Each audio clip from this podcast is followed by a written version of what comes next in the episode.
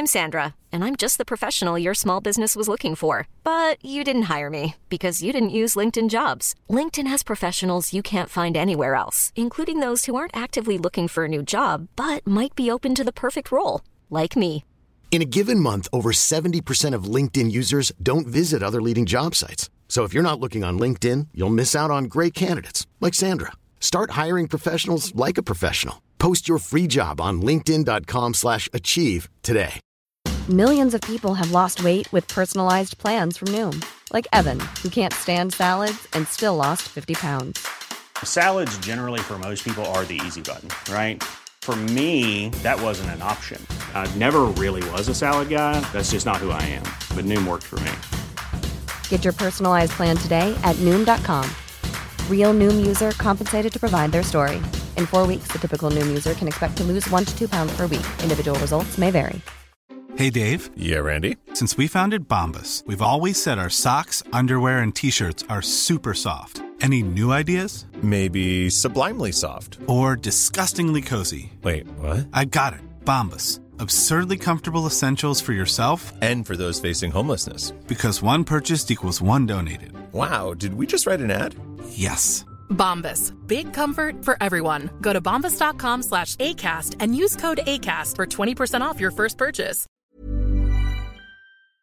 Sen måste vi även säga att det finns ju en annan eh, viktig förändring eh, för, för eh, programmet. Det är att vi har fått en sponsor va? Vår, vår första riktiga sponsor. Det går bra nu. Eh, ja, det går bra nu. Snart, snart kan vi säga upp oss. Eh, Och det var ju, Ja. vi har ju faktiskt fått en sponsor till det som vi, tror vi var inne och nämnde redan första programmet. Som är viktigt och som ligger alla polisers själ. Och eh, en form Mm, det, och jag ska bränsle. säga utan det här, utan det här, då stannar polis-Sverige. Så är Så det. kan man säga. Så är det. Och Och då undrar man, somna. shit, är det bensin, är det bensin till bilarna nu? Är det, är det Nocco till de unga kollegorna? Eller är det liksom, ja, Günthers korvar till mig eller sådär? Men det, nej, nej, det här nej, är nej, universalt. Inga gratisreklam nu. Utan nu ger vi bara reklam till eh, vår fantastiska nya sponsor där. Kaffegreven. Välkommen Eh, in i familjen. Woo! Stort välkommen eh, till er. Eh, väldigt roligt att ni är med oss här. Och eh, Kaffegreven, som ni hör lite grann på namnet, så är det ju er leverantör här om ni behöver det bästa kaffet. Och det behöver ni såklart. Så om ni strävar efter det bästa, då är det Kaffegreven ni ska eh, anlita för att lösa ert kontors eh, helheten kring eh, kaffe. Eh, allting där fixar de och riktigt, riktigt gott kaffe. Inte som eh, sånt eh, dåligt snutkaffe vi hade på jobbet tidigare. Utan det här är riktigt kvalitet. Och dessutom måste jag säga som, som stort fan av Frölunda så är de faktiskt en av Frölundas stora sponsorer också. Bara en sån sak borde ju få Mm alla att stötta Så det. Som Frölunda, då behöver man inte sjunga Taskigt kaffe Thomas Di Leva Som han sjöng om, om Brynäs förr om åren Nej, det behöver man inte göra. Men vi kan ju lägga till Nej, att så- Kaffegreven, de levererar ju rikstäckande.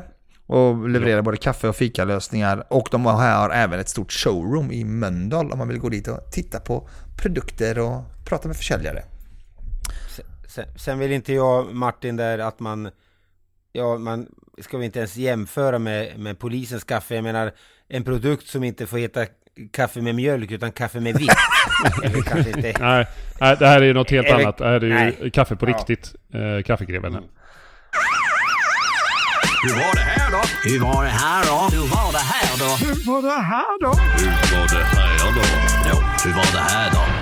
Ja, Juhu! välkomna till veckans Hur var det här då? Eh, jag, Viktor, har fått förtroendet att hålla i taktpinnen idag.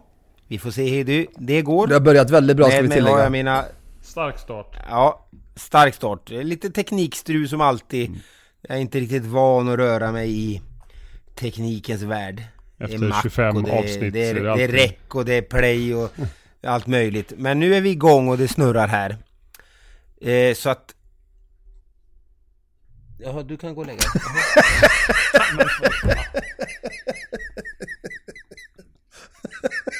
Att polisen kommer ringa dig från Södertälje nu? Ja, det är fråga vad de vill. Ja, Så. Va? Ja. Fråga vad det är. Ja, jag fick någon lapp här, men vi hoppas att det inte är något allvarligt. Vadå för lapp? Var det har det hänt något? Line, du kan inte ringa mig när du är i samma hus. Ja, gå och ring och fråga mamma vad det är. Under tiden spelar vi in här. Så. Jo, ehm, och då är det jag som har taktpinne ja. Och då Ja. börjar vi lite enligt manus då med hur veckan har varit. Jag, ska, vänta, Jag tror vi börjar med... Va? behöver vi inte börja om det här? Har de? De kommer ringa dig, du måste svara. Ja, ja, okej, jättebra. Men de, ingen har ringt. Dot, ja, ni vet ju vad som hände med Liv. Hon, hade, hon söp ju bort sin mobil och nu har tydligen kollegorna hittat den. Så Jaha. ringer det något nummer så måste jag bryta och svara, men då kör ni på som vanligt bara. Är ni med? Ja, vi är med. Ja. Ja, är ni med? Ska vi klappa på nytt eller? Ja! Nej, då kör vi igång här. Då välkomna till Så mycket säga, Hur var det här då? Fan. Eh, fast det kan den heta också, Så mycket bättre på riktigt. Gud, vad är det som händer? Ja, och eh, välkomna hit. Jag håller i taktpinnen. Och vi börjar enligt manus med laget runt hur vi har haft det i veckan. Alltså det här att du att ljuger om att du har ett manus. Det, det, det ser ju lyssnarna igenom det är uppe här i järnbarken, det är liksom Ja. som etsat fast som eldskrift. Ja. Inget Ja. undgår det här sinnet. Nej, nej, nej, nej. Det, Det, är klart. det, är möjligtvis, det, är möjligt, ja, det är möjligtvis tekniken som, som Ja. ibland hackar. Ja, ja, lite kanske. Men, eh, men kontrollen blinkar blå, då allt som Gjorde det ska. Som en känd grupp sjöng. Mm. Eh, då börjar vi med laget runt. Och jag tänker att idag ska Nadim få berätta om vad han har varit med om och vad han har känt och tänkt och upplevt under veckan som gått. Hände, kände, lärde. Lite backspegel. Ja, fint. Ja, Ja, vad han... speak freely. Mm, tack snälla. Jag har ägnat mig åt eh, lite, resa, lite blandat arbete och blandat resande. Jag har varit på Bokmässan i två dagar. Sen eh, efter det reste jag till Stockholm och föreläste i Botkyrka. Och sen har jag däremellan varit hemma, jobbat som polis och varit en, en mycket närvarande pappa. Dels på fotbollsplanen men också vid middagsbordet hemma. Det är något som jag har vetat att mina följare har reagerat mycket på. att jag är borta mycket och sådär. Men mina följare förstår inte att, eller människor som följer människor på sociala medier förstår inte, inte att eh, det man visar upp är, inte, det är ganska selektivt. Det är inte hela ens livspussel och hela ens liv. Det tycker jag fler behöver tänka på. Men bokmässan var... Menar du... Ja, Det Menar är du heller att inte folk alltid verkligheten. Äh, vänta, menar du att folk inte är helt på det klara med att det är en tillrättalagd bild som visas upp på sociala medier? 100 procent. Jag blir jättemycket ifrågasatt hur närvarande pappa jag är, om min fru ens existerar. Eh, massa. De förstår ju inte att det är typ ett arbetsverktyg man använder sociala medier till för, ja men, att, och att man har en viss integritet. Nej men människor på sociala medier har, har en viss förmåga att inte riktigt ta in att det är en, eh, dels en skönmålad bild men också en ganska medveten bild över det man visar. Men hur som helst, det har varit en fin vecka, mycket jobb och bokmässan i år var ganska perfekt för min del. Jag, hade, jag var inte där i egenskap av författare eftersom det är bara dagsfärska författare som får göra detta, så de som släpper bok samma år oftast. Utan jag var där i egenskap Jaha. av moderator. Jag kommer till det Viktor, för jag saknade dig där. Du som ändå har släppt bok i år. Vad hände? Vad hände? Varför var inte du där? Ja, jag insåg att jag tänkte att eh, Där säljer man inga det böcker. där... Nej, vad, skulle jag där och göra? Nej, men... Eh, Hade du lite så här eh, efter traumat på Gotland? Att det här mingel, eh, mingelvärlden Ja. inte för dig? Eller Man- hur tänkte du? ja, men jag är, jag är ju en småhandlare i sammanhanget. Nej. Det där blygsamheten klädde inte. Nej, men det var ganska många, alltså det, det är inte bara giganter som är där, det är ju ganska många mindre aktörer. Alltså även, det var en kollega som har släppt en bok på, typ, jag tror det var eget förlag, han stod och grindade rätt hårt vid hissarna liksom. I tre dagar stod han där och delade ut broschyrer om att han signerade och sådär. Eh, det är han som har skrivit Insats pågår och skrivit en uppföljare till den nu som jag inte kommer ihåg namnet på. Men det är i alla fall en kollega, han, stod- det är väldigt blandat med aktörer som hänger där. Så du hade gjort det där i alla fall Viktor, i alla fall på själva mässan. Sen minglet kan vi diskutera senare, eh, hur, hur det hade gått för dig där. Men det var väl min Ja, vecka lite sammanfattat. Vad sa du? Jag tror aldrig jag varit på bokmässa faktiskt. Det är otroligt trevligt måste jag säga. Mycket trevligt. Ja, Jag är inte så mycket för jag, eh, jag, mässor. jag pausar bara här och, och svarar, jag pausar och svarar på det här samtalet. Fortsätt. Fortsätt du Martin. Ja, eh, min vecka, det var väldigt blandat. Det har varit eh, två fotbollsmatcher eh, som man kan återkomma till. Och sen så har vi också varit och eh, föreläst lite för gränspolisen. De har haft lite så här, eh, ja, starta upp eh, ny eh, del i sin verksamhet eller få komma in lite grann mer mot eh, vad lokalpolisområdena gör och eh, hur vi i vårt arbete kring att ta fram eh, vilka fokuspersoner vi ska jobba mot och hur det här arbetet med eh, de olika evidensbaserade metoderna som man använder sig av, stadiemodellen och sen cylindermodellen är ju den där vi kategoriserar olika kriminella i olika nivåer för att sen kunna angripa dem på bästa sätt.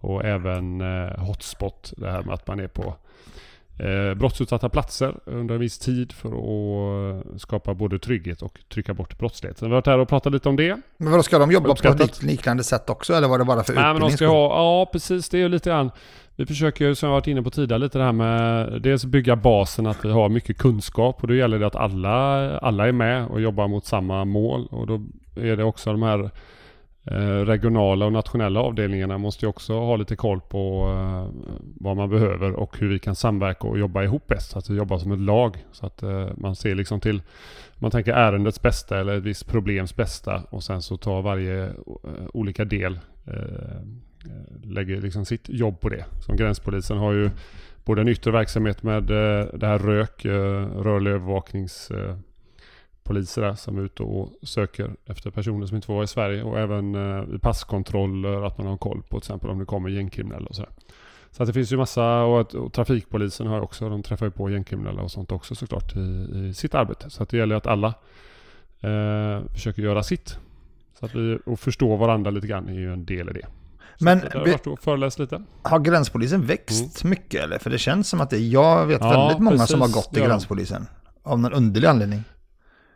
Det har växt och ja, men jag tror de har, de har rätt spännande verksamhet nu. De har eh, växt och de startar lite olika nya delar. Eh, både sån här eh, rörlig övervakning och sen att man bygger ut. Nu ska man, eh, jag tror man skulle bygga, jag kommer inte ihåg vart de skulle vara riktigt. Men de ska bygga ut, eh, om det är på Landvetter kanske.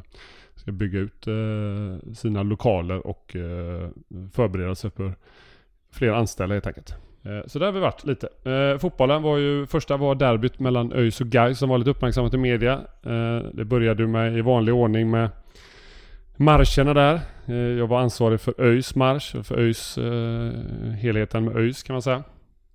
Och det börjar ju direkt vid marscherna där, att man är, är tuff och aggressiv och eh, ropar skjut en snut och grejer när man går genom stan där. Och det slängs någon eh, banger och tänds lite bengaler och sen så försöker man genom olika rusningar försöker komma åt varandra utanför arenan för att slåss där. Vilket man eh, i stort sett misslyckas med. Det var någon eh, misshandel. Och sen så det som kom upp i media var ju mer att man det gick ju ganska dåligt för ÖIS i den här matchen och i slutet så eh, kastade supporterna på en ståplatsläktaren in eh, fyrverkerier och smällar och sånt in på plan så att matchen avbröts under en stund. Och av de här, jag kommer inte ihåg om man tusen åskådare var där inne men eh, de flesta gick där när det var några minuter kvar för att man tröttnade på att få vänta att det skulle starta om där. Det var tråkigt, eh, tråkigt helt enkelt. Var det den matchen du blev kallad för fotbollsmördare? Eller var det en annan match? Nej, det kommer jag till. Ja, det har jag också blivit kallad. Mm.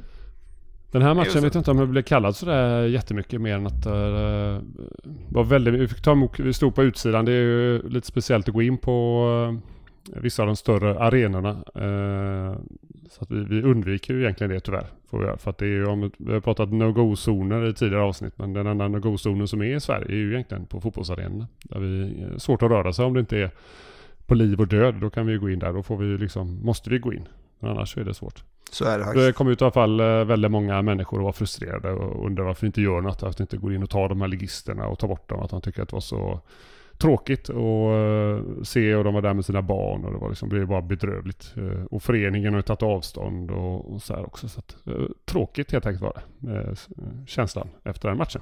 Jag, jag jobbar ju också på den matchen där och jag kan ju Ja. bara inflika i det du säger Martin där att det var extremt många eh, som lämnade matchen och eh, ja, de ifrågasätter vad fan vi gör. Eh, och jag kan till viss del förstå dem i de här lägena och det, så försöker man då förklara och så Kanske de någonstans ändå kan försöka få en, en ja okej, ni resonerar så, ditten och datten och, och sådär.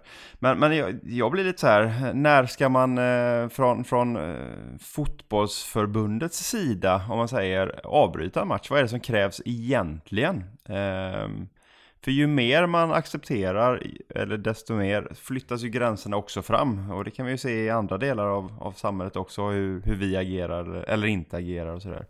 Eller jag är helt ute och cyklar nu, nu känner jag att jag, jag kanske... Nej men de, det var ju det övervägande som man gjorde, domarna där, över att eh, om, om eh, man kunde fortsätta arrangemanget och att det är säkert för, eh, för spelare att köra igång.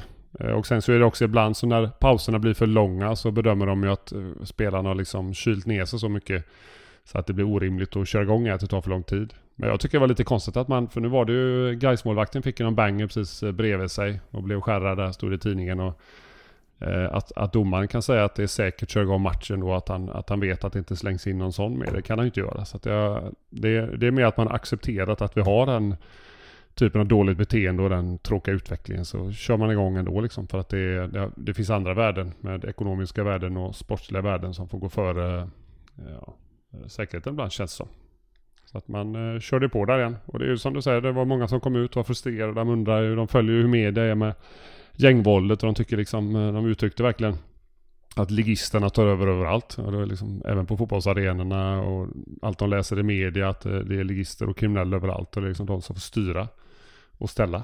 Så att eh, det var Det var tråkigt. Jag kan tycka det är ju naivt men eh, när alla de här eh, supportrarna också följer media och så att man inte kan liksom på något sätt lugna sig i en tid där vi har det värsta gängkriminaliteten och skjutningar och sprängningar och en otroligt ansträngd rättsapparat eh, och allt vad det är och inte kan lugna sig lite i det skedet och ja.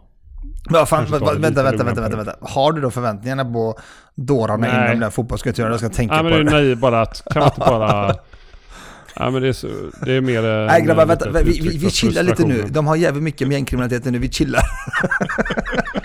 men ibland känns det nästan så när det har skett någon jättehändelse så, så kommer det knappt några larm på passet efteråt med stölder och bråk och så här. Så ibland så blir det på något sätt som att människor blir tagna. Typ som efter, ja, efter stora händelser som varit så har det varit liksom lugnare dagen efter. Terrordåd och så här. Så det känns som att vi inte hade någonting att göra närmsta tiden sen.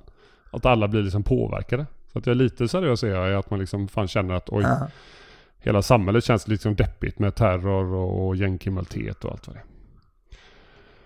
Eh, det var en lång utläggning här. Men och sen så var det också då det var på eh, Häckenmatch i eh, går.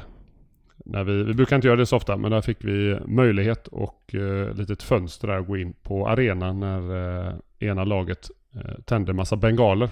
Och då kunde vi faktiskt gå in. Det var väldigt härligt att se i kamerorna hur vi går in och Medan en står och håller en brinnande bengal så kommer poliser upp precis bakom honom och tar tag i armen. Så att han får släppa bengalen och sen tar ut den därifrån. Eh. Och då står, efter att man har tagit ut den därifrån, då står liksom del av klacken och ropar till polisen fotbollsmördare skanderar de. Men, det är jävligt intressant. Vad, en, vad, är det som vi mördar med fotbollen undrar jag? Jag måste fråga, hur kommer det sig att man valde i det här fallet att kliva in på läktaren och ta bengalen? För det är ju sånt som man får väldigt mycket frågor om kring allmänheten. Och jag vet ju varför vi inte gör det. Men ja. jag är nyfiken på vad som bara resulterade i beslutet att ni gjorde det. Nej men jag, jag tänker så här att eh, vi har ju ändrat strategi. Man, supporterna vill ju absolut inte ha villkorstrappan. Att man inte går in under matchen men däremot till nästa match så gör man stora publikneddragningar. Utan nu har vi den här exkluderingsstrategin att vi ska ta de som gör det. Och då någonstans måste vi göra det också annars blir det verkningslöst. Eh, och det är en sak att försöka identifiera efteråt. Det är ganska resurskrävande och det ska vara en utredning, man ska kalla den misstänkte till förhör. Men, så att vi har ju en olika verktyg. Ibland kan vi ta dem utanför, ibland kan vi ta dem innan med bengaler och ibland som i det här fallet så, så hade vi möjlighet och ta en eh, supporter inne på arenan utan att, eh, det är bedömningen som gjordes där, utan att det skulle resultera i något, eh, några våldsamheter. Att vi gjorde bedömningen att det kunde ske ganska snabbt och säkert och, och tryggt. Mycket och bra gjort tycker jag. Också. De gjorde lite motstånd, en eller två, två försökte frita så här men det blev inget, inga, liksom, var inga batonger eller spray eller någonting utan man fick ta tag lite i han och så ta ut han från arenan. Sen så stannade vi kvar med polisiär resurs som förklarade och står kvar och pratar och så här. Och då står de och skanderar fotbollsmördare i samma vecka som supportrar har stoppat en match i eh, vad det nu var, en 45 minuter, en timme. eh, genom att kasta in bengaler. Det är ju mord av fotboll om något. Eh, så att, men det är väldigt märkligt. Men det får man, det är ju, man får inte förvänta sig för mycket hur de tänker. Men eh, jag tycker det är viktigt att när vi har möjlighet så ska vi gå in och agera på arenorna. För det får inte vara en eh, no-go-zon när man får begå brott hur som helst bara för att det är fotboll. Det är trams. Men du, Martin, för att du ska Ja. kunna hantera både veckan och månaden som kommer så, så ta, det inte fot, eh, ta det inte bokstavligt. Du är ju ingen fotbollsmördare utan det är nog en, eh, en liten klyscha de säger. Jo, jo, men bara att man ens... Jag, det blir så här, det är för att jag är lite naiv, men man tänker att de ens... Vad, att de, vad får det ifrån liksom? Kommer ifrån? Jag såg också på Twitter det här lagets officiella supporterkonto som säger att det var... Ska vi se vad det var han skrev? Att det var liksom det mest liksom, oroliga och läskiga den här, de varit med om den här säsongen. Man ser två poliser som går in på arenan. Liksom mest liksom, obehagliga som har upplevt. Är det så? Men alltså hör ni, hör ni, hör ni Martin låter nästan lite farligt. ledsen och tagen Nej, men-. Nej, men- Är nej, jag fotbollsmördare? Är jag verkligen det? Om man tycker att det är det mest obehagliga man kan vara med om och se två poliser gå in på en läktare. Då är det ju inte det som är problemet utan då är det ju hela läktarkulturen. Naturligtvis. Men du, har, som har, har, jag du komma pratat, till. har du pratat med en kränkt unge någon gång? Det spelar Alltså, jag ingen roll vad, vad som, vad, Nej, vad som jag funkar vet. eller inte. Nej, vi har inte på, på, på, på en arena att göra i deras värld. De, deras, arenan är deras, spelfältet är deras. Det är bara att släppa och gå vidare. De kommer aldrig acceptera oss där. Jag vet. Men det här är exakt anledningen till att jag slutade följa Twitter. För att jag tror, alla de här idioterna man möter där, jag tänker att jag ska kunna omvända dem. Och, och så eh, slutar jag inte skriva. För någon gång så hjälpte Viktor mig. Så skrev han ganska snabbt när, jag, när han märkte att jag började med någon sån här konstigt. Att lägg, lägg ner Arkdal, det är ingen idé och det kommer inte hjälpa liksom. Så att, eh, det? Det är skönt att Heffe går in och, och, och liksom lär upp sina klok. adjunkter. Klok som en bok. Ja. Men vad är det för, vad är det för fel i huvudet på dig. Martin? På riktigt?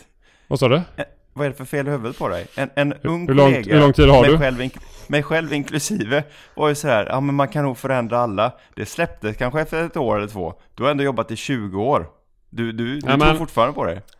Alltså jag blir inte så arg när jag träffar gängkriminella när jag träffar de här liksom kärnan huliganerna. Då förväntar jag mig inget mer. Men här är på något sätt den officiella föreningens eller den officiella eh, supporterföreningen. Då står massa andra vuxna människor. Då förväntar jag mig, då går, mina förväntningar går upp lite grann. Och också min besvikelse är uppe ungefär exakt lika mycket tror jag. Eh, men ja, ja. Nu, nu tog jag halva programtiden åt det här. Eh, men eh, ska vi släppa det eller? Det, det lilla pigga laget runt där. Ja, men det var ju bra ändå att det framgår, framgick att jag var lite Han småfrustrerad. slaktar laget runt. Han satte en ny standard på 25 minuter monolog. Ja, det ska ju vara, det ska vara lite så här eh, pepp och pepp och, eller vad det nu Nej, kan det ska inte vara eller pepp. allvar, men istället. Nej, kom det en lång sövande drapa liksom. Okej, så- vad har. Peppe att säga? Det är, det är väldigt mycket på Peppes vecka. Han, ser i halv, han står i city och sover i princip. Nej men jag fick ju beskåda det här eh, spektaklet eh, eh, när, när fotbollsmördarna då äntrade eh, scenen så att säga. Eh, jag blev lite förvånad för det första. Jag, var där och kollade privat. Jag hade ju tänkt att fira eh, födelsedagen genom att hämta hem tre poäng till Solna. Jaha, var det Vem Häcken är, AIK? vem är naiv nu Peppe? Nu är du mer naiv än jag, du trodde på det. Men, vi, men jag tycker att det är sin plats på att vi gratulerar vår broder här i programmet. Han har ju faktiskt fyllt år Hipp, hipp. Just det. Hipp hipp. Gra- Hurra! gra- grattis Peppe! Ja, Ja, men grattis tack, Pepster. tack, tack, tack. Eh, Hurra! Ja, nej men vi kan väl lä- lämna, lämna fotbollen där men jag, jag tänkte att eh, ja, det här blir ju lite spännande att se. Jag tänkte att faktiskt att det skulle bli ett jäkla russel där, men det, det blev inte, det såg inte ut att vara speciellt allvarligt. Men så tänkte jag också att ni kanske då eh, går vidare och tar de här eh, som stod 3-4 meter därifrån och vevar för fullt med lite bengaler, men det, det blev det ingenting av. Nog om det. Eh, jag har faktiskt fått en eh, riktig hjärnblödning på, på, på dig Martin. Eh, och det var ju Okej. förra matchen där, ÖIS Guys. Vet du vad du gjorde för fel? Ja då ska du alltså svara nu Martin. Du ska svara nu. Nej men jag funderar på om det har varit något uppenbart fel. Jag gör ju väldigt sällan fel så att jag borde ju komma ihåg de få tillfällena som det i så fall rör sig om. Men nej, jag kom inte på något. Ett gigantiskt fel. Du kan få mig till att göra precis i stort sett vad som helst så länge jag är mätt. Fick du inte äta gubben? Ah. Jo, jag släppte av mina gubbar, tog ett SPT-fordon och drog iväg. Men jag gör aldrig om det än. Inte en gång. Och det, det skapade ilska ska du veta. Inte bara hos mig. Så vet hade du i och för sig gång. gett redan i tidiga orden innan, några dagar innan att Så se till du att ha det till ätit nästa gång. Så innan. vet du det till nästa gång. Ja, okej. Ja, du fattat. Annars så har jag varit över på, på din ö. Och jag har tänkt här att eh, nu ska jag väl få lite beröm av dig. Men det har inte kommit något sms, inget samtal. Var Jag över och grep rånare.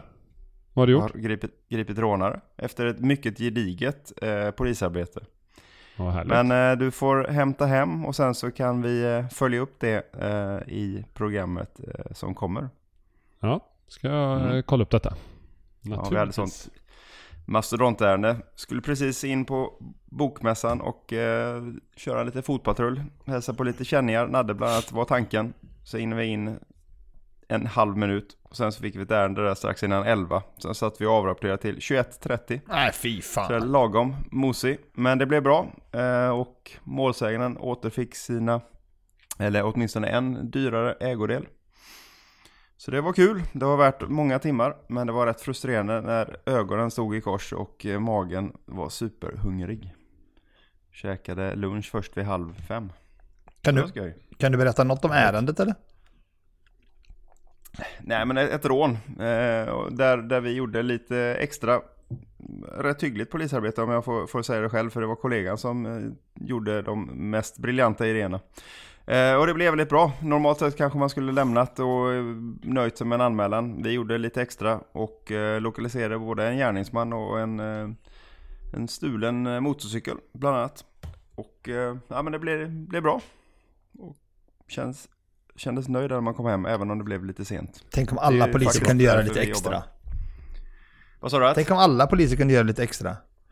Ja, men jag kan sakna att vi, att vi inte gör det ibland. Jag, det är synd. Ehm, men, men eh, ja, det, ibland blir det som det blir. Resurserna finns ju inte alltid och det var faktiskt på grund av att vi, vi tog oss lite extra tid och kände att nej, det här lägger vi lite tid på.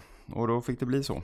Och ja, det är skönt när man väl gör det ibland. Att, att det faktiskt blir bra så att man känner så här, ja men fan till nästa gång så är det värt att lägga. Det kan bli sådär roligt igen.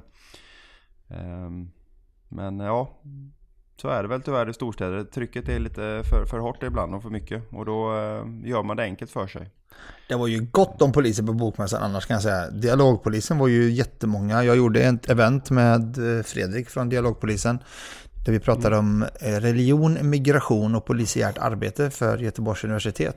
Och det var ju ganska många poliser i publiken och det var väldigt mycket uniformerad, uniformerad polis också och jättemånga ordningsvakter. Och det var ju ett nytt säkerhetsläge, det märktes ju det här året än, till skillnad från eh, förra årets bokmässa.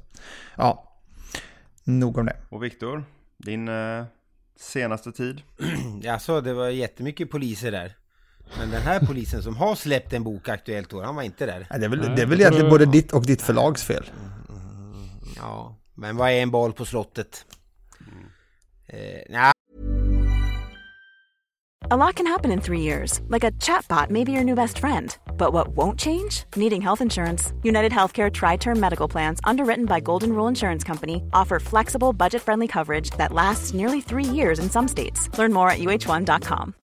Millions of people have lost weight with personalized plans from Noom, like Evan, who can't stand salads and still lost 50 pounds.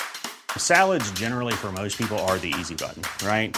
For me, that wasn't an option. I never really was a salad guy. That's just not who I am. But Noom worked for me. Get your personalized plan today at Noom.com. Real Noom user compensated to provide their story. In four weeks, the typical Noom user can expect to lose one to two pounds per week. Individual results may vary. nej, min vecka har väl eh, varit sådär. Har varit eh, mest handlat om eh, föräldrarollen som du beskrev tidigare Nadim. Mm. Eh, ha tonårsdöttrar är, är eh, inte alltid en picknick. Utan de eh, hittar på saker och de ställer till det för sig och allt vad det är. Men eh, li- lite trevligt var det mitt här under sändningen så ringde kollegor från Södertälje och hade hittat eh, dotterns mobiltelefon som försvann i, i fredags. Eh, på, den hade de hittat på ett par ungdomar som hade gått runt med eh, fler, flera mobiler på sig som inte var deras. Mhm. Eh, och då, ja, och då hade jag varit så här smart och lagt in så här uh, in case of emergency-nummer och sånt på henne. Så att då kunde de nå mig ganska enkelt. Ja, så att, eh, det var ändå en liten trevlig nyhet. Så att det är väl mest vad veckan har handlat om. Men i och med det så tänkte jag att vi då ska komma in på dagens avsnitts eh, huvudämne. Som just är lite om ungdomar och kriminalitet. Och då framförallt kopplat till att ungdomar allt större utsträckning utnyttjas, rekryteras, tvingas, vad man vill, av de kriminella gängen att göra, hjälpa till med det dirty work. Och vi hade ju, anledningen till att vi kom in på det var att jag twittrade där under veckan om en, ett ärende på Söder där en 12-åring hade blivit kontaktad av kriminella som hade sagt att eh, erbjudit honom eh, mycket pengar och att han skulle, mot att han fraktade vapen och kontanter. Och det här eh, värvningsförsöket då skedde över sociala medier. Det var antingen Snapchat eller TikTok. Jag är lite osäker på nu vilken det var. Mm. Men han hade ju varit förnuftig och tänkt att det här låter inte bra och kontaktat sina föräldrar som raskt kontaktade polisen. Men det får ju oss att tänka lite och där och senast i dagarna så var det även pratade de om det här hur det såg ut med betydligt grövre saker. De hade presskonferens, Karin Götblad och eh, några fler. Vad var det? Nadine, vad var de ifrån? Du kunde ju titeln på... SIS och Socialstyrelsen och så, eller SIS Just och, det. så, och eh, eh, Socialtjänsten var det ju. Som eh, idag höll en, en presskonferens där man pratade om det här, jag gillar inte namnet på det, men det kan man kalla det för Bob-rådet. Som ämnar till att stoppa nyrekrytering till eh, gäng. Och det är att varje lokalpolisområde, vilket är strax över 90 stycken, ska runt om i landet jobba med det här förslaget då. Eh, I en slags strukturerad form. Helt enkelt. Och ja, jag tänker att förslaget, förslaget i sig är ju att man, alltså, att man ska liksom att man ska ha med olika eh, eh, samhällsaktörer som till exempel polis och socialtjänst och, och den här gången så är faktiskt även BUP med och det saknar man ju ofta i, i samverkan med eh, alla olika aktörer kring barn. Alltså BUP är barn och ungdomspsykiatrin men, är- men man bjuder även in, eller man föreslår även att kriminalvårdsrepresentanter och eh, representanter ifrån näringslivet ska vara med. Och det är att bygga upp en struktur som inte är baserad på, och det syftar till att bygga upp en struktur som inte är baserad på personliga kontakter och personligt förtroende. Och vi tillhör ju det polis polisområdet som jobbar på det sättet att mycket av den samverkan som sker som är väldigt bra är ju baserat på personliga kontakter som vi har byggt upp under lång tid.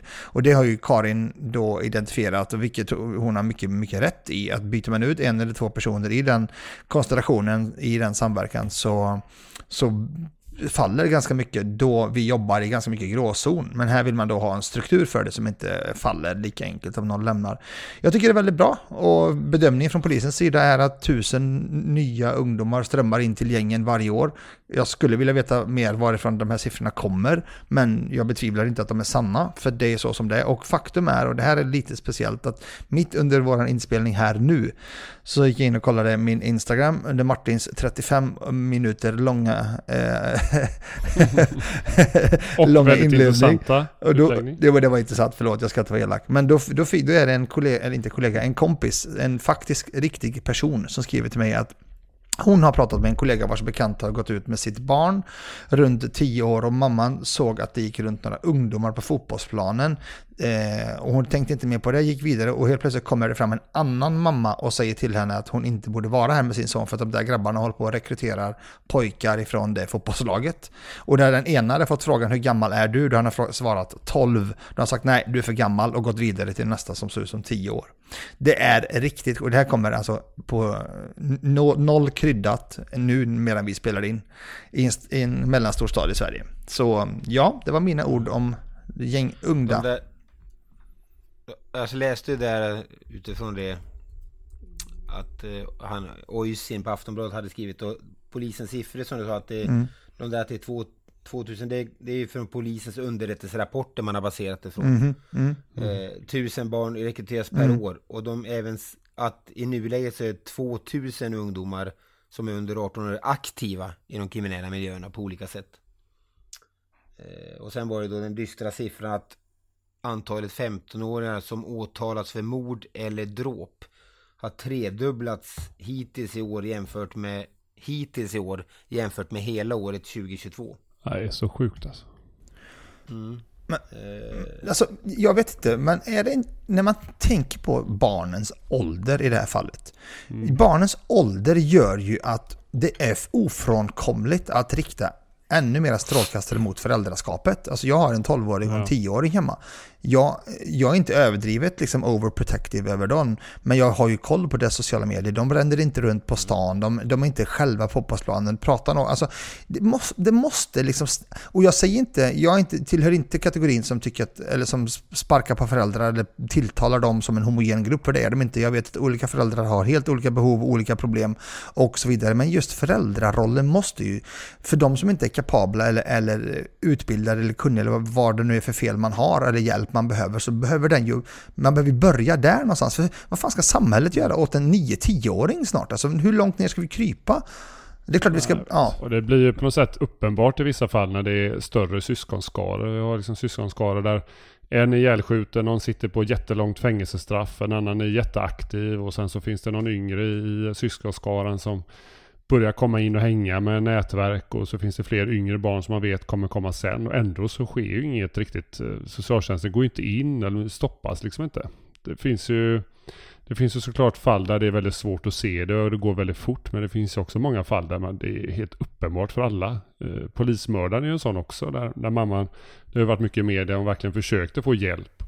Han, mm. han rymde hon, från ja, sitt... Precis, hon hade väl larmat flera gånger va? Ja, och rymde från sitt eh, sin, eh, sin behandlingsplats där han skulle vara och kom tillbaka till Biskopsgården Men ändå så gjorde man ingenting. Det var ju typ samma dag som, eh, ja, strax efter mordet en gång så kom ju den här eh, placeringen att nu fick han en ny placering. Det, det som fungerar inte det systemet så jag hoppas att det här som, det här utspelet eller det som kom från regeringen idag här att det, att det blir någon verkstad, blir någon förändring. Jag har inte jättehöga förhoppningar men jag hoppas ju ändå såklart att det någonstans man ser allvaret och gör någonting där.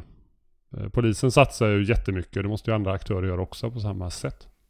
Och här har vi ju ett jätteproblem för antalet föräldrar och familjer som Precis som du beskriver här Martin, som, som eh, inte har koll på sina barn överhuvudtaget. I min värld så jag upplever att de blir bara fler och fler. Och, och att socialen och skola, socialen ska liksom ha resurserna för att kunna möta upp det här behovet. Alltså det krävs enormt mycket resurser. Enormt mycket resurser. Vi pratar liksom kanske inte ja, en dubblering av nuvarande kanske. Alltså vi står inför en, en ja, utmaning är nog inte rätt. Alltså vi står inför ett gigantiskt problem. Och hur fan ska man lösa den? Eller hur ska man knäcka den, den nöten? Den är, den är inte enkel. Mm. Eh, samtidigt som, som man nu då kanske på vissa håll också drar ner på skolverksamhet. Mm. Jag har ett par lärare i min mm. direkta närhet där det ska sparas pengar enormt mm. och, och, samtidigt som de säger att antalet barn med extra behov har aldrig varit större. Det, det mm. där är liksom... Ja, jag tyckte jag såg något Peppe häromdagen, någon flash om att de införde anställningsstopp på skolorna i Göteborg. Ja, det är det definitivt och det ska till och med då sparas in. Så de kommer ju få göra sig av, eller de kommer inte få göra sig av, men de kommer få, få, få spara in och förändra, ja, flytta runt resurser och sådär. Och det är ju många som, eller många ska inte, men det är vissa då som väljer att lämna skolvärlden i, i en tid när, när vi, ja de behöver ju extremt mycket mer, mer resurser. Fler lärare, mm. fler som kan fånga upp eh, tätare sam, sam, samband. Men det du sa, eh, din, din, fråga där Peppe, det du sa, vad, vad, det är så, det, problemet är så gigantiskt, vi står inför en lavin som kommer. Ja men precis, vad är alternativet? Alternativet är att absolut att bara fortsätta mala på med det som man vet fungerar och inte, oavsett vad det, alltså, det, det man drar ner på skolan nu, de, de resurserna man drar ner på de skyddsfaktorerna som finns runt omkring i samhället, det kommer vi få betala om om tio år igen. Och då kommer en annan självgod politiker stå där om tio år och säga vi såg det komma. Alla ser det komma hela jävla tiden, men här och nu så investerar man inte på några som helst sätt inför framtiden. Kris och inflation och krig i all ära, men det här är ett problem som är här för att stanna tills vi väljer att satsa och göra rätt saker på riktigt. Och då pratar vi inte bara skolan, vi pratar alla skyddsfaktorer som finns och man måste jobba mot segregationen. Hela den delen kan vi ta i ett annat program, men man får i alla fall inte skära ner när, man, när, när skeppet håller på att sjunker liksom. Men du satt ju i, i um, Veckans brott med Kristoffer Karlsson där för ett gäng år sedan. Jag tror att det var en, en tweet som, som är 4-5 år gammal som har fått uh, snurr nu igen. Mhm. Där han på ett jävligt enkelt sätt förklarar liksom vad det är som krävs och, och just då fokus på skola Mm. och allt vad det innebär. Den har ju verkligen fått nytt liv nu med tanke på allting som händer och Mm. sker med besparingar. Det läggs mycket på oss och Ja men ska vi komma, komma till bukt med det här? Vi måste börja, börja, börja i alla ändar. Vi kan liksom inte släppa någon ände. För, för Jag, jag Nej, såg det- en, eh, ursäkta, ja. Nej, jag, och apropå det, det var fyra år sedan jag, jag roade mig häromdagen på Twitter med, eller jag satt och googlade på nätet. Och då såg jag ett, eh, 2014 hade ju polisen tagit fram en rapport om eh, kriminella gäng och deras inverkan i lokalsamhället. Där man liksom har identifierat problemen, vilken inverkan det har och även staplat upp. Det här måste göras. Och det var ju 2014 och man får väl säga att vi, samhället som är vi, klarar inte av att, att ta till oss de slutsatserna. Det får väl sägas uppenbart. Sen kommer det, ja, och så tänker man, det är ju lite eh, dystert att tänka då att 2014, ja, då hade man identifierat det, vad hände 2015? Ja, då blev det en ny organisation för oss. Och som vi har varit inne på, då slogs mycket sönder och isär. Och julen ska börjas om, börjar uppfinnas på nytt. Men det går nog inte helt att bortse från ett litet samband där heller. Samtidigt som vi hade flyktingströmmen 15-16 med allt vad det innebar. Eh, ett gäng där Ja, som... Men vi tappade ju mycket upparbetat, men det har vi varit inne på förut. Mm, mm. Vi ska inte sitta och älta som gamla ga- sura, bittra... På tal om eh, veckans brott så var det den tiden som jag för första gången började använda ordet insocialisering i kriminalitet. Och det kanske vi får anledning till att prata lite mer om, men det som jag tycker är intressant är att hur snabbt det har gått. Jag menar, jag började jobba med Veckans brott 2019, vid två och ett halvt år ungefär. Och från den tiden till att de socialiseras in i kriminalitet, alltså de groomas in på något sätt, de får, små, de får göra små ärenden, de får pizza, de får lite betalning, de får det här liksom grundläggande mänskliga behovet tillgodosett, liksom fysiskt skydd, ekonomiskt skydd, bla bla bla och så vidare. Från det till nu så är ju utvecklingen som sån att nu står inte barnen och vinkar alltid på att de vill bli mördade för statusens skull och de socialiseras in på, något, på samma sätt som de faktiskt hotas in, finns det rapporter om. Utan de säger att om du inte gör det här så är det du och din familj som råkar illa ut. De får alltså inte längre belöningar för att göra de här sakerna och status och pengar utan de blir, får direkta hot. Och det har gått otroligt fort. Alltså det, här, det är bara några år sedan och det här kommer nu. Så vad är nästa steg kan man undra? Ja men nästa steg har vi ju i detta nu. När, när barn frivilligt söker sig till gängen för att åta sig vissa morduppdrag.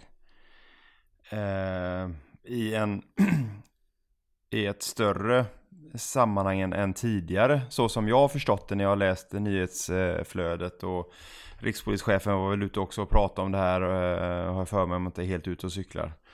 Eh, och det kan inte jag ge mig till, till minnes riktigt att, att det har varit så i den utsträckning som, som jag upplever att det målas upp. Eh, upp. Eh, och här har vi, nej men alltså det, vi, vi har ju grejer precis överallt. Och därför är det ännu viktigare att jobba i bägge ändarna. Jag är för de här repressiva åtgärderna, alltså det mesta som vi ska göra, högre straff och så vidare. Ungdomsfängelser är jag egentligen inte för, utan det enda som talar för det, är att jag inte har något bättre alternativ för att eh, SIS och HVB inte funkar. Eh, men, men vi måste verkligen börja jobba i den andra änden också och det är ju ingen som gör. Det är ju som kris och panik överallt nu och man skär ner på skolan och allting som man vet. Och jag, eh, med tanke på det jobbet jag gör och de, de samverkanspartners jag har är ju uttalat brottsförebyggande. Kommunen har ju fått eh, eh, liksom ett uppdrag men de får inga medel, snarare tvärtom. Så mm, vi kommer att sitta här om tio år igen. Och när vi nu pratar också un- ungdomsfängelser, det känns ju som att det finns en samsyn där mellan S, SD och M nu, om jag inte är helt ute och cyklar, där man, där man har en samsyn på att det behöver flyttas över från, eh, från dagens eh, SIS-hem och allt vad det här nu är, Eh, så där verkar man ju ha en samsyn och eh, bred majoritet i, i riksdagen. Så ska vi kanske flika in när man vill säga ja, och det är många som, så, ja men SOS och socialtjänsten måste vara med på tårna och sånt där. Man ska ju komma ihåg att de har ju en likadan arbetsbörda som vi har. Om inte värre faktiskt. Eh, som, om inte värre och de är utsatta för enormt tryck och kampanjer med det här att de kidnappar Mm. barn och sånt och, mm. och sådär så att man ska nog liksom, vi får nog vara lite försiktiga med att säga att bara liksom per automatik säga att här, här måste socialtjänsten komma in. Det är, det är bra att man har börjat jobba på de här bitarna, liksom att häva sekretessen mellan Mm. oss och SOS, för det har ju varit en riktig black om foten upplever jag. Ja, jag tycker man kan ju Eh. säga att de behöver komma in, men det är ju inte, det är inte samma sak som att vi pekar finger att de gör ett dåligt jobb nu, utan de är otillräckliga och har inte de resurserna och organisationer behöver, som de behövs behöver vi, det, det, ja men alla är så jävla nöjda att liksom så här, titta vad mycket resurser vi skjuter till rättsväsendet, vad bra. Ja. ja, men ge gärna socialtjänsten en rejäl släng av sleven också. Absolut. Eh, För är, annars kommer ju det slä, annars kommer det släpa. Då kommer vi bara, åh nu tittar vi, har upptäckt alla de här på glid. Gör något! de hade ju tufft men redan vadå, innan det liksom? kom den här gängkriminaliteten. Ja. Alla, alla andra barn och ungdomar som mår dåligt Men, som ska ja. få hjälp och eh, alla de komplexa problemen. Och så det här som är helt eh, abnormt stort berg att hantera. I samma rapport som du hänvisade till innan Viktor, jag tror att det var Karin Hjeltblads rapport som hon fick på uppdrag av Reinfeldt, som, där hon presenterade hela den här utvecklingen som vi har blundat för. I samma rapport, eh, om det nu är samma vi pratar om, i samma rapport så säger hon också att polisen, vi är tillräckliga, utan nu behöver vi rikta liksom, resurs och strålkastare åt socialtjänst och skola. Och vad vad, vad är det vi säger idag? Jo, vi säger ju samma sak egentligen. Vad gör man? Man gör samma misstag som man gjorde då. Så om tio år, återigen, det är tredje gången jag säger det tror jag, så kommer vi sitta här och, och säga, vi sa det här för tio år sedan, många av oss. Mm. Han sa ju det, eh, den här, den här presskonferensen med, med Götblad. Då, då ställde ju någon reporter frågan, läser att eh, polischefen slog larm eh, Götblad då redan 2010 om att tusentals pojkar var på väg in i Det var nog den jag menade. Det var nog den jag menade. Ja, förlåt. Ja, nu, nu 13 år senare lägger hon fram en rapport i liknande arbete och då hade hon konstaterat, Götblad bara Problemen behövde uppenbarligen bli mer påtagliga för att politikerna skulle börja lyssna. Det är ganska dystert. Då var det så att då tar vi och, och, lyssnarfrågan, Narik. Ja, då har vi fått ett, ett mejl ifrån eh, en anonym Lasse, står det. Konstigt, eh, konstig, konstig hälsning. Hur som helst, hej mina favoritpoliser. Häromdagen var jag ute och gick i skogen som jag brukar göra och jag såg en bil som såg skum ut. Jag visste inte vad jag skulle göra och tyckte att hela situationen var rätt obehaglig så jag gick, så jag gick raskt vidare. Det är en gångväg men det går även att köra bil där, även om det bara är kommunens personal som brukar göra det. Så bilen var inte dum, eller den var dumpad där, eh, men den var inte fraktad dit. Vad ska jag göra i en sån här situation? Ska man ringa polisen? Ska man eh, ringa bärgare? Ska man ringa kommunen? Jag vet inte. Det vet jag. Ja, våran trafik, trafiknisse. det är varsågod. inte oss. Nej men eh, man ska, jag tycker man ska, jag, när man hör så här att det ligger övergivna bilar så kommer jag dra till, till minnes eh, en grej som var för några år sedan. Då var det en person som har varit försvunnen en längre tid. Eh, och efter lång tid så hittades eh, personen i en bil eh, i en skog. Och det verkar som då i en kurva någonting. Så man har gått av, flugit ut mellan grenarna där. På något ställe där folk inte går så ofta. Och så skadats eller dött direkt. Och sen så bara varit försvunnen längre. Så med det så vill jag säga att först så kollar man ju i bilen. Så att det inte är någon som är skadad eller att det sitter någon där. Och sen så ringer man polisen. Och då kan det ju hända att polisen har lite frågor om man ser något registreringsnummer och sådär. Och då hjälper man till med det. Men annars så eh, får ju polisen komma dit sen och eh, eh, se vem som är ägare. Eh, då kan man ju se om den är stulen eller vad som behöver göras. Så tar polisen hand om det sen. Och tar kontakt med eventuellt med kommunen eller om den behöver flyttas eller någonting. Så att eh, ring, eh, om det inte är någon i bilen som är skadad så ringer man 114 eh, 14.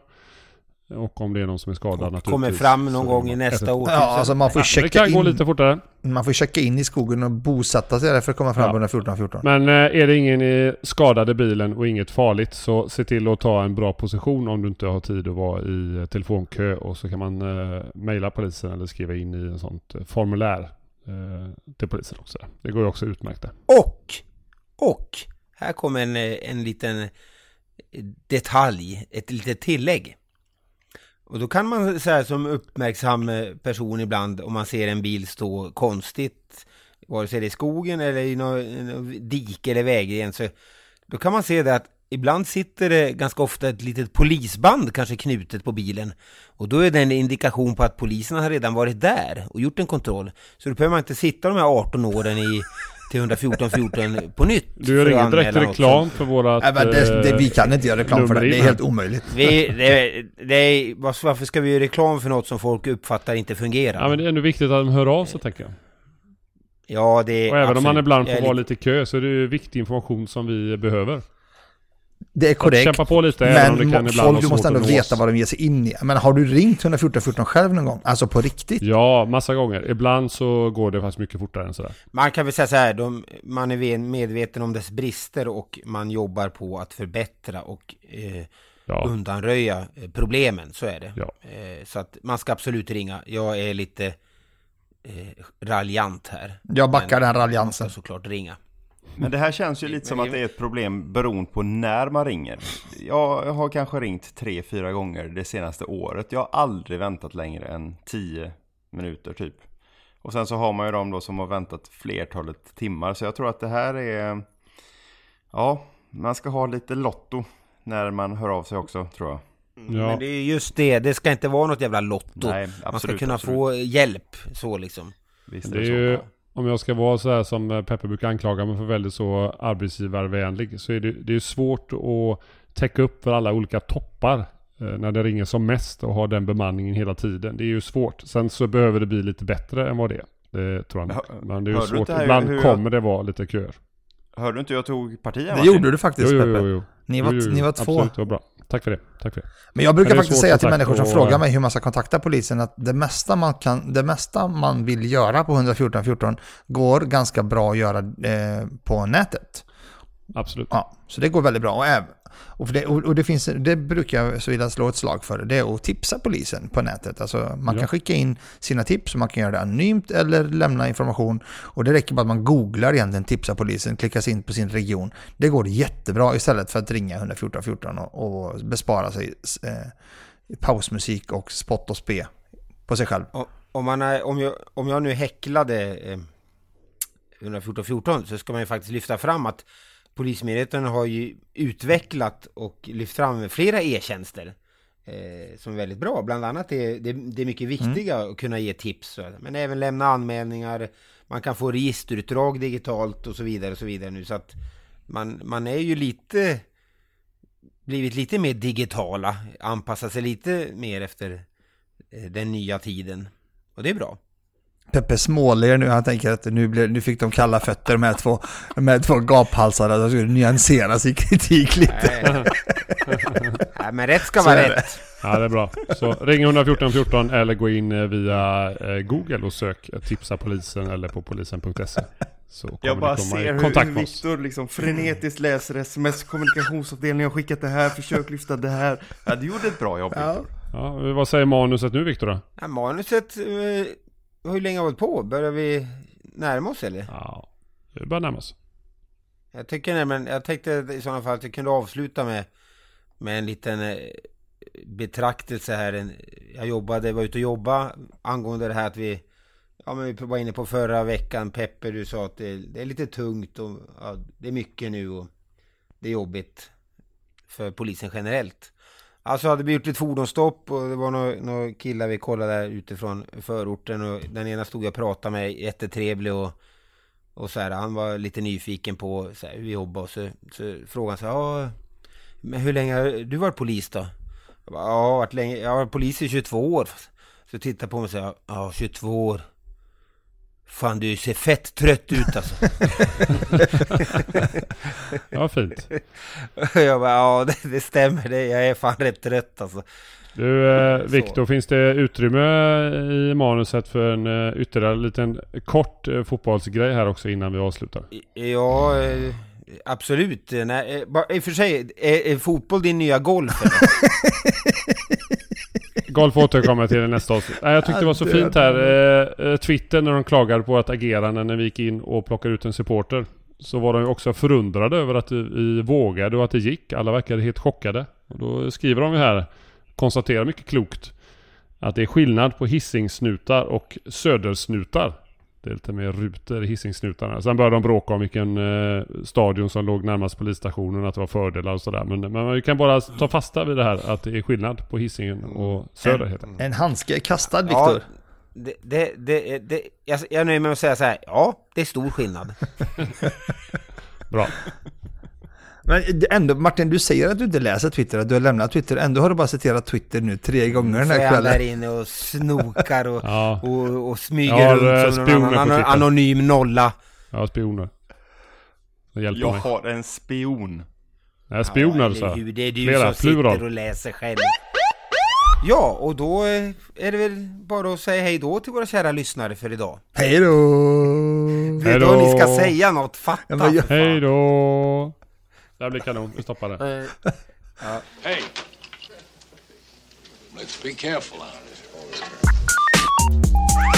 Ja, hur var det här då?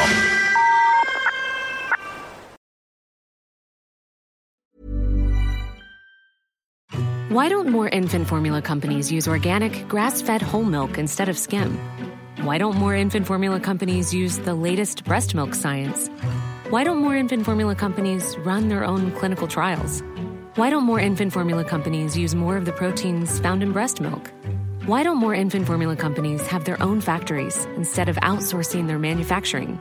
We wondered the same thing. So we made ByHeart, a better formula for formula. Learn more at byheart.com. Planning for your next trip? Elevate your travel style with Quince. Quince has all the jet setting essentials you'll want for your next getaway, like European linen, premium luggage options, buttery soft Italian leather bags, and so much more. And it's all priced at 50 to 80% less than similar brands. Plus, Quince only works with factories that use safe and ethical manufacturing practices. Pack your bags with high-quality essentials you'll be wearing for vacations to come with Quince. Go to quince.com slash trip for free shipping and 365-day returns. Hi, I'm Daniel, founder of Pretty Litter. Did you know cats tend to hide symptoms of sickness and pain? I learned this the hard way after losing my cat, Gingy. So I created Pretty Litter, a health monitoring litter that helps detect early signs of illness by changing colors, saving you money and potentially your cat's life. Pretty Litter is veterinarian developed, and it's the easiest way to keep tabs on your fur baby's health right at home. Go to prettylitter.com and use code ACAST for 20% off your first order and a free cat toy. Terms and conditions apply. See site for details.